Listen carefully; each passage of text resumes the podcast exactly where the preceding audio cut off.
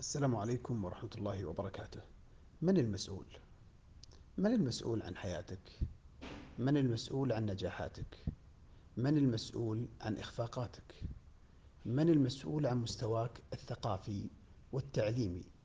من المسؤول عن مستواك الإيماني والعبادي؟ من المسؤول عن التخطيط المالي لحياتك؟ من المسؤول عن تربية أبنائك؟ من ومن ومن؟ كثير من الناس يحاول التخلص من المسؤولية الملقاة على عاتقه وكون كل واحد منا مكلف ومحاسب ويحاسب يوم القيامة وحده يأتي يوم القيامة فردا. كثير من الناس يتحاولون يحاولون التملص من هذه المسؤولية الفردية الملقاة على عواتقهم ويلقونها على أي أحد. فيقول والله والداي لم يحرصا على تعليمي. آه، والداي لم يحرصا على إلحاقي بالكلية ولا المعهد ولا المدرسة الفلانية. للأسف ما كان في وقتنا الناس حريصين على كيت وكيت. أنا كان ينقصني أن أحد يجي ويدلني ويرشدني في الجانب الفلاني. آه، من السهولة أنك تحط معاذير كثيرة. من السهولة أنك تقول أن المسؤول فلان. لكن هذا لا يغني من الحق شيئا وهذا لا يمكنه هذا الأسلوب لا يمكن أن يحقق لك إلا مجرد تحقيق شيء من الرضا الداخلي والخداع للنفس ومحاولة تبرير آه، الصنيع. الحقيقة أنه كل ما تعيشه اليوم من نجاحات أو إخفاقات من تميز أو سوء كل ما تعايشه في كل جوانب حياتك باستثناء الشيء اللي خارج عن الإرادة أن لما تصير أنت طويل ولا قصير أبيض ولا أسمر سمين ولا نحيل مريض ولا معافى جزء كبير من هذه أنت لا تملك آه، تغييره لأنها أشياء خلقك الله عليها. لكن يتكلم عن الصفات والسمات والسلوك والمهارات والعلم والتعامل لا هذه كلها أشياء مكتسبة يستطيع المرء أن يغير من حياته وأن يكون شيئا آخر. أود في هذه الخاطرة العجلة أن أؤكد لك أنك لا تنتظر لا تترقب لا يعني تتوقع أن يأتي اليوم اللي يأتي فيه الشخص الآخر أيا كان هذا الآخر الملقى عليه التهمة أن يأتي الشخص الآخر ليقول يجب أن نفعل لك واحد واثنين وثلاثة حتى نعدلك ونطورك ونحسنك ونصلح من شأنك. إذا كنت تنتظر بهذه الطريقة ربما طال الانتظار حتى ينتهي عمرك.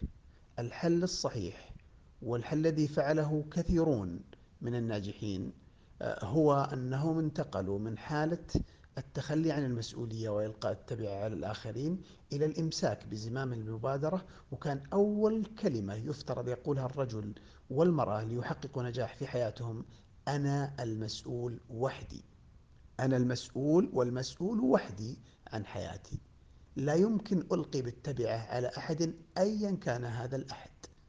صدقني وصدقيني أن أبواب النجاح ستفتح لكم حين تتحملون المسؤولية التامة عن كل تفاصيل حياتكم.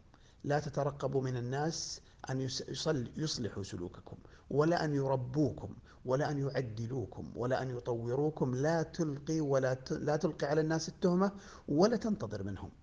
إن جاءك منهم خير فالحمد لله لكن ترك أنت أولا وثانيا وثالثا وأخيرا أنت المسؤول الأول والأخير عن حياتك. وإذا تحملت المسؤولية كأنما أنت تقود طائرة وكأنما يقولون لك ليس في الطائرة أحد سواك. إذا تخليت عن القيادة ستسقط الطائرة. هذا الشعور استشعره في حياتك. أنت اليوم المسؤول الأول والأخير والوحيد. عن حياتك عن علمك عن ثقافتك عن مستقبلك عن إنجازاتك عن عبادتك عن أعمالك الصالحة أنت الوحيد المسؤول. لا تترقب أحدا وابدأ. ما دام تحملت المسؤولية إذا هذا يبغى لها جلسة ما هي بسواليف معناه بتجلس مع نفسك وتقول أنا وين رايح؟ وين راحت أيامي؟ وين راحت سنيني الماضية؟ وإلى وين أنا متجه؟ هل أنا في الاتجاه الصحيح؟ ما الذي يمكنني فعله؟ كيف أخطط لأن يكون عامي الحالي خير من العام الماضي؟ كيف أجعل العام التالي أفضل من هذا العام؟ ما الذي سيجعلني مختلفا أمام الله وأمام عباده؟ إذا إذا فكرت فيها بهالطريقة بعد تحملك المسؤولية صدقني ستكون شخص مختلف. وأنا آه، سمعت وقرأت لأشخاص كثيرين مصابين اللي مصاب بالشلل واللي مصاب بالعمى واللي مصاب بالصمم واللي مصاب بالتوحد أشخاص تتوقع أن مثل هؤلاء هم يمكن يلقوا المسؤولية على غيرهم لأنهم يحتاجون الرعاية لكنهم تركوا كل الناس وتحملوا مسؤولية حياتهم وسووا شيء سووا شيء خطير جدا سووا تقدم غير طبيعي. وعندي مقطع آه، أشرت له في تيدكس الرياض نشرته في تويتر ويمكن أضع لكم رابط هنا لشخص اسمه محمد الشريف شخص حصل له حادث مروري تلفت سيارته وأصيب بالشلل. هل جلس هذا الرجل؟ هذا يقدر يقول خلاص أنا ما أقدر أسوي شيء والدولة مسؤولة عني وأهلي مسؤولين عني ووالداي مسؤولين عني والمجتمع مسؤول عني. لا هو لم يصنع ذلك. هو بعد سنتين من الصدمة استطاع استيعاب الحدث وأنه هو المسؤول الوحيد عن حياته وانطلق وحقق نجاحات. وكان في كل سنة من السنوات التالية كل سنة يحقق نجاح مختلف ومختلف كليا. أنت رجل معافى وأنت امرأة معافاة وأنت فتاة معافاة إيش دوركم في حياتكم؟ إيش سويتوا لإنجاح ذواتكم؟ أنتم المسؤولون فما أنتم صانعون. تمنياتي لكم بحياة سعيدة.